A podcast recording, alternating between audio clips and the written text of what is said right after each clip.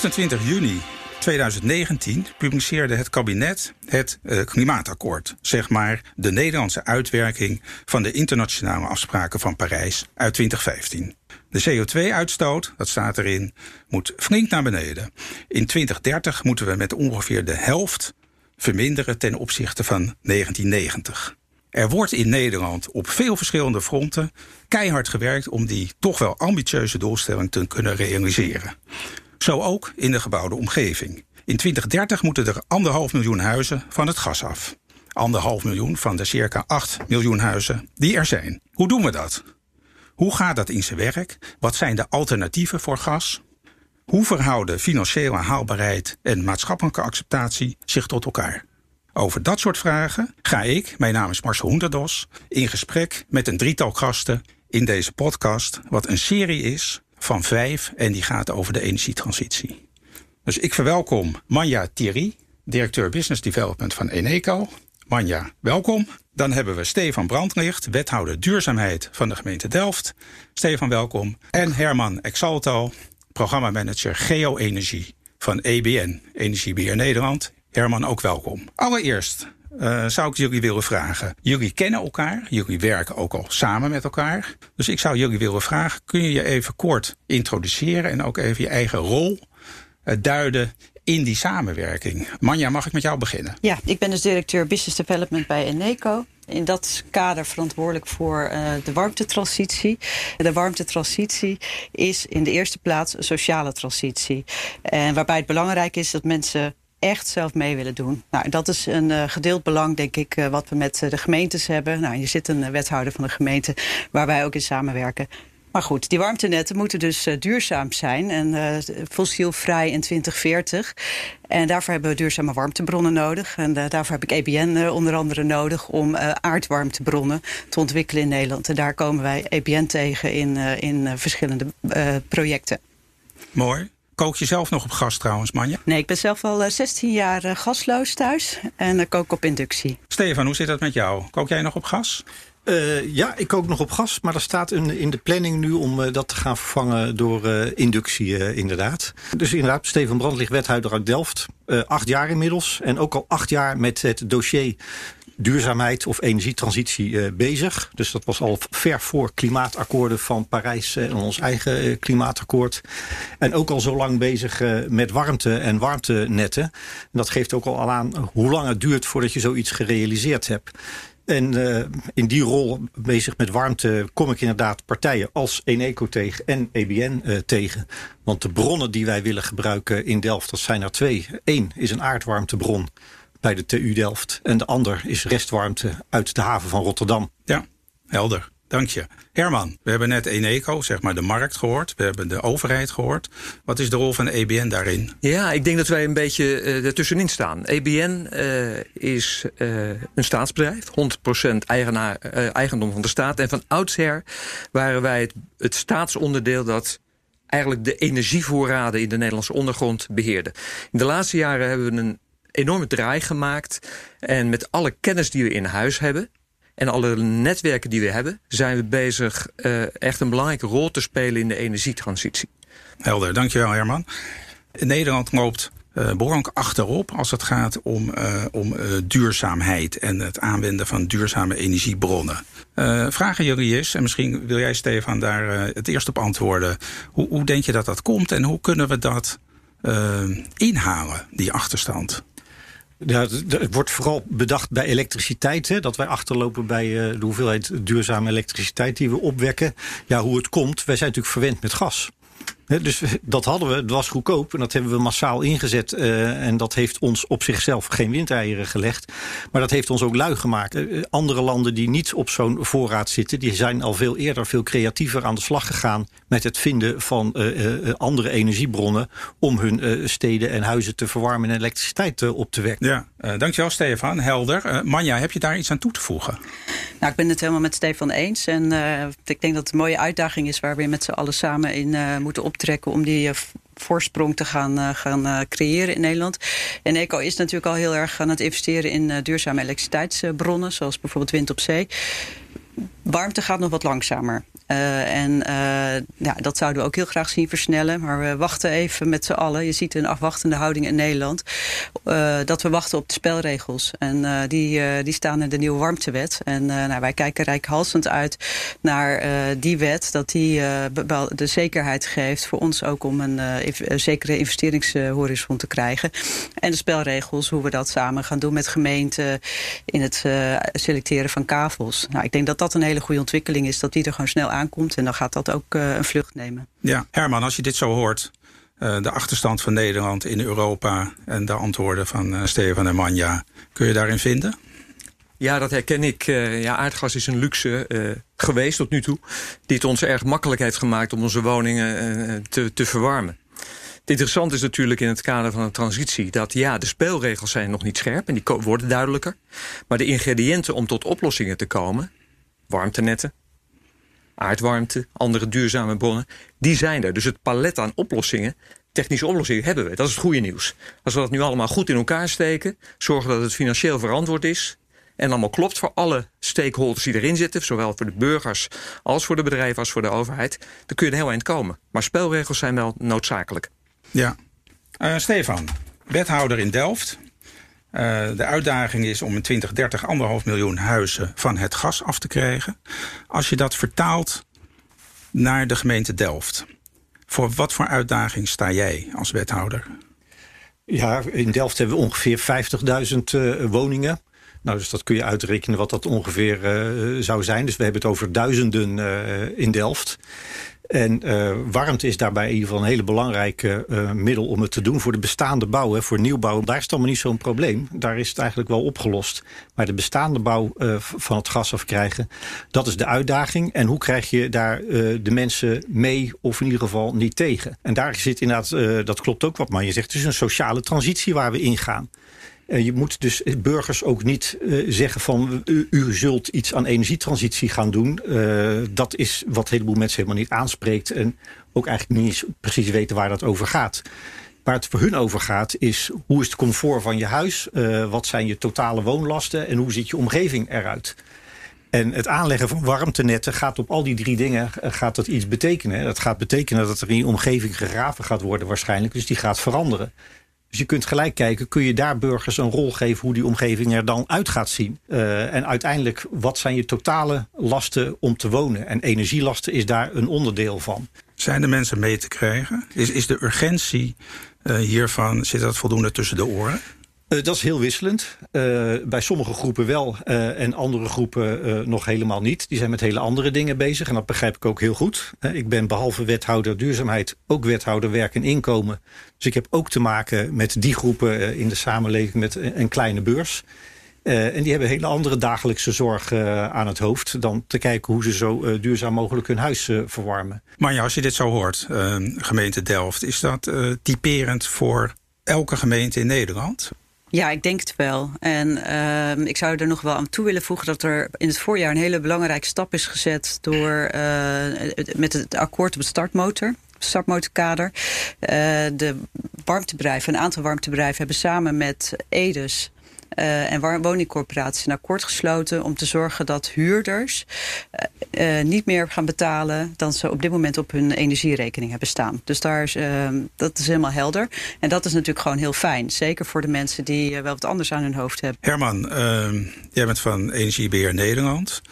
EBN. EBN maakt zich hard voor aardwarmte. Aardwarmte wordt gezien als een van de uh, misschien wel het beste alternatieven, maar dat moet jij straks maar uitleggen, uh, voor aardgas in de gebouwde omgeving.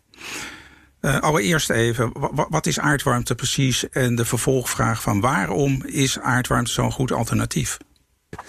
Als je over aardwarmte of geothermie praat, is dat de warmte die, die je wint uit de aardbodem.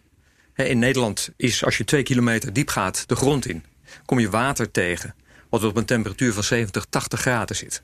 Als je dat water omhoog pompt, kun je daar woningen mee eh, verwarmen. De bestaande bouw, de bestaande gebouwen en, woningen, eh, eh, kantoorgebouwen... die worden nu verwarmd met een cv-ketel op dezelfde temperatuur. Dus dat water uit die grond, dat zit er al miljoenen jaren... en dat blijft er ook miljoenen jaren nog zitten... is bij uitermate geschikt om woningen en kantoorpanden uh, te verwarmen. Het moet ook uiteindelijk financieel aantrekkelijk zijn. Op dit moment kost aardwarmte gewoon geld. Dus er moet subsidie bij. De schaalgrootte maakt het op termijn ook betaalbaar. Ja, zeker. Want als je kijkt, wil je aardwarmte echt inzetten in Nederland, dan zal dat grootschalig uh, moeten. Maar daar is nog wel een opmerking bij te plaatsen. Dat uh, niet alle uh, steden in Nederland zijn even geschikt voor geothermie. Of anders gezegd, de ondergrond is niet overal even geschikt om geothermie uit te, te, winnen. Of je moet veel dieper boren, wat de kosten veel hoger maakt. En Delft zit toevallig in een hoek van Nederland waar het heel gunstig is. Maar bijvoorbeeld rond Utrecht wordt het al een, een heel ander verhaal. Ja. Hoe, hoe zit dat, Herman, die ondergrond en aardwarmte? Ja, die, dat, hebben wij inderdaad ook geconstateerd in de afgelopen jaren als uh, eh, EBN. We weten best wel veel over de ondergrond op plekken waar aardgas gewonnen wordt. Dat is in Noord-Nederland en dat is ook in de provincie Zuid-Holland. Daar weten we best wel veel.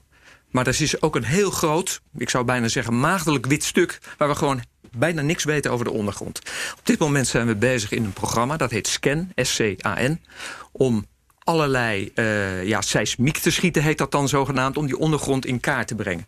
Dat doen we als EBN met geld van EZK. En de data die daar zometeen uitkomt... is beschikbaar voor iedereen.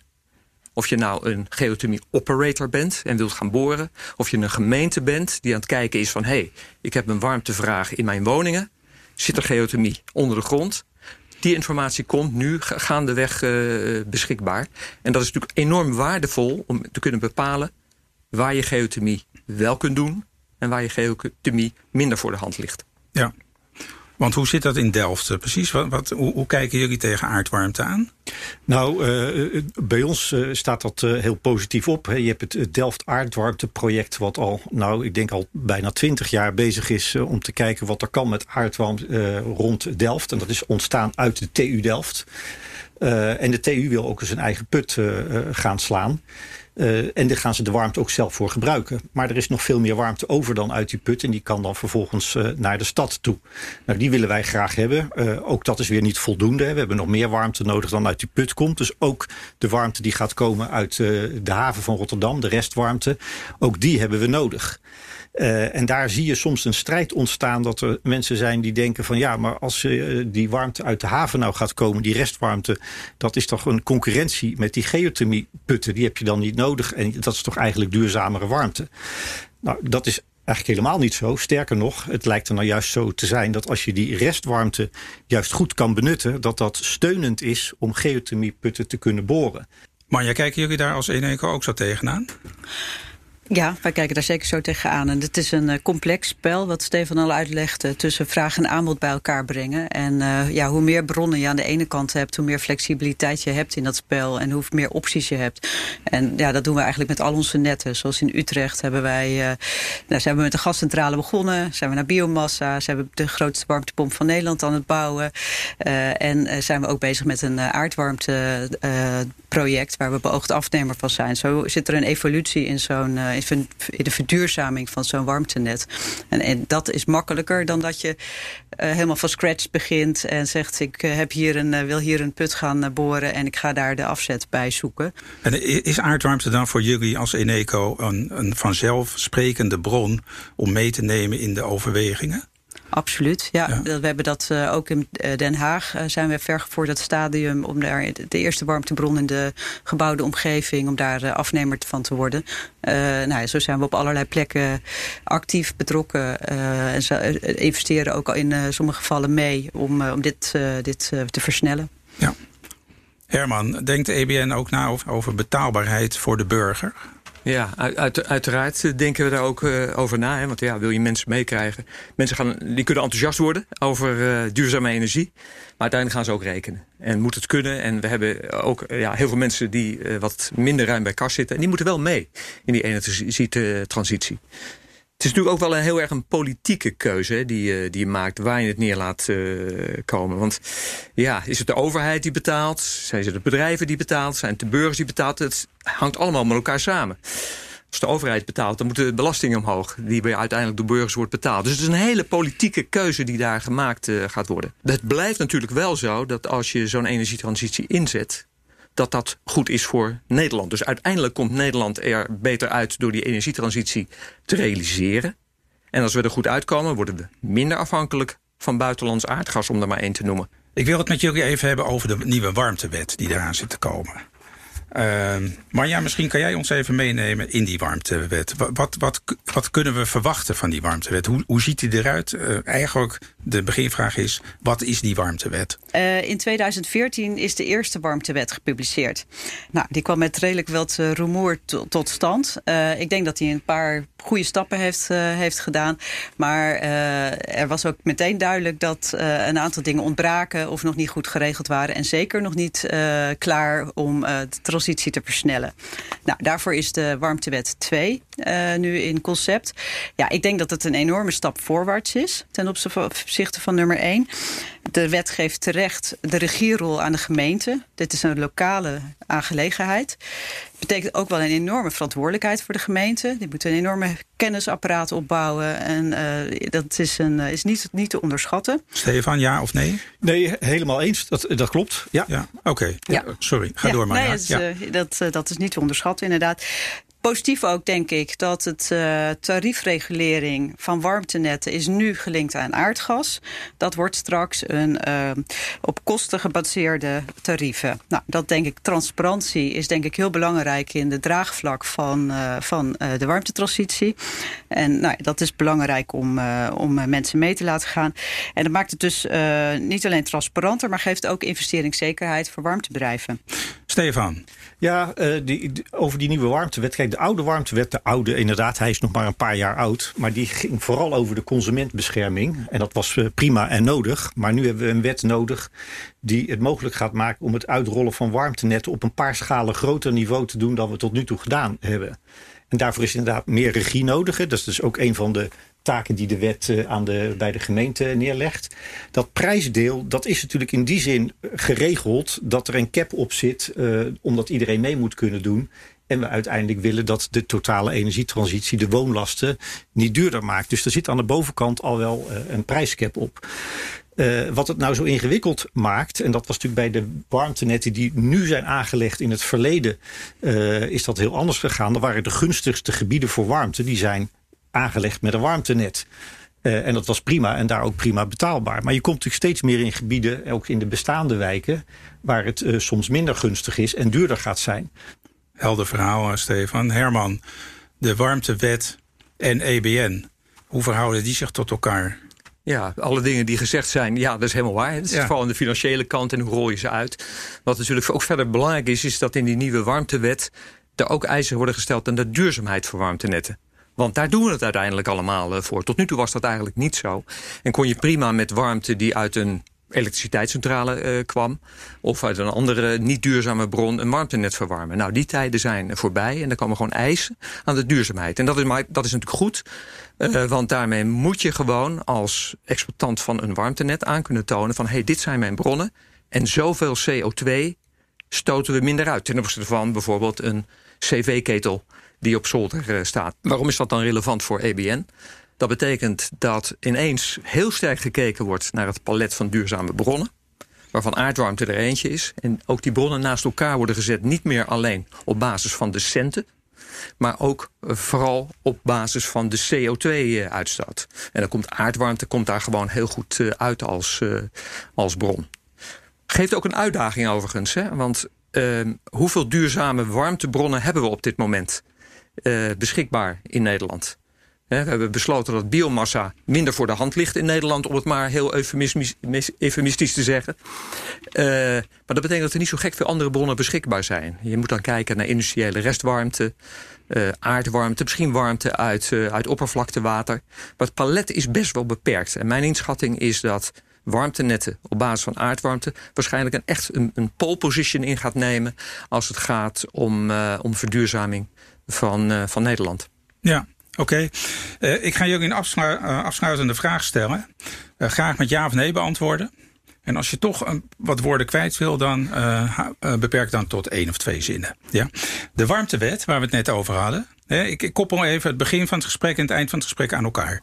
We begonnen om te zeggen van in 2030 moeten er anderhalf miljoen huizen van het gas af. We hebben per 2022 een nieuwe warmtewet. Deze nieuwe warmtewet gaat ervoor zorgen dat die doelstelling om die huizen van het gas af te krijgen beter gerealiseerd kan worden. Ja of nee, Stefan? Ja, Zeker, hij gaat beter gerealiseerd worden. Het kan nog beter, maar zonder deze warmtewet was het een heel stuk uh, uh, moeilijker geweest in ieder geval. Manja? Ja, eens. Uh, we gaan op deze manier helderheid creëren voor alle partijen die op deze markt uh, opereren. En uh, de spelregels, hoe we dit met elkaar gaan, gaan doen. En daarin is transparantie en samenwerking en vertrouwen heel belangrijk. Nog belangrijker dan de wet. Maar zonder wettelijk kader komen we er ook niet. Mooi. Herman? Ja, die warmtewet gaat zeker helpen en geeft een hoop helderheid. Wat natuurlijk wel belangrijk wordt, is dat de gemeente die die regierol op zich neemt, zometeen ook echt de instrumenten krijgt geld, wettelijke mogelijkheden om te zorgen dat we van het aardgas afgaan naar een duurzame warmtevoorziening. Oké.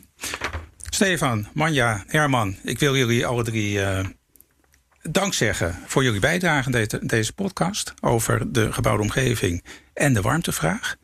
Deze podcast is uh, er één in een serie van vijf. Die gaan allemaal over de energietransitie. En die zijn allemaal terug te luisteren via de BNR-app of via andere podcastspelers. Dus graag tot de volgende podcast. Dank jullie wel. Dank je wel.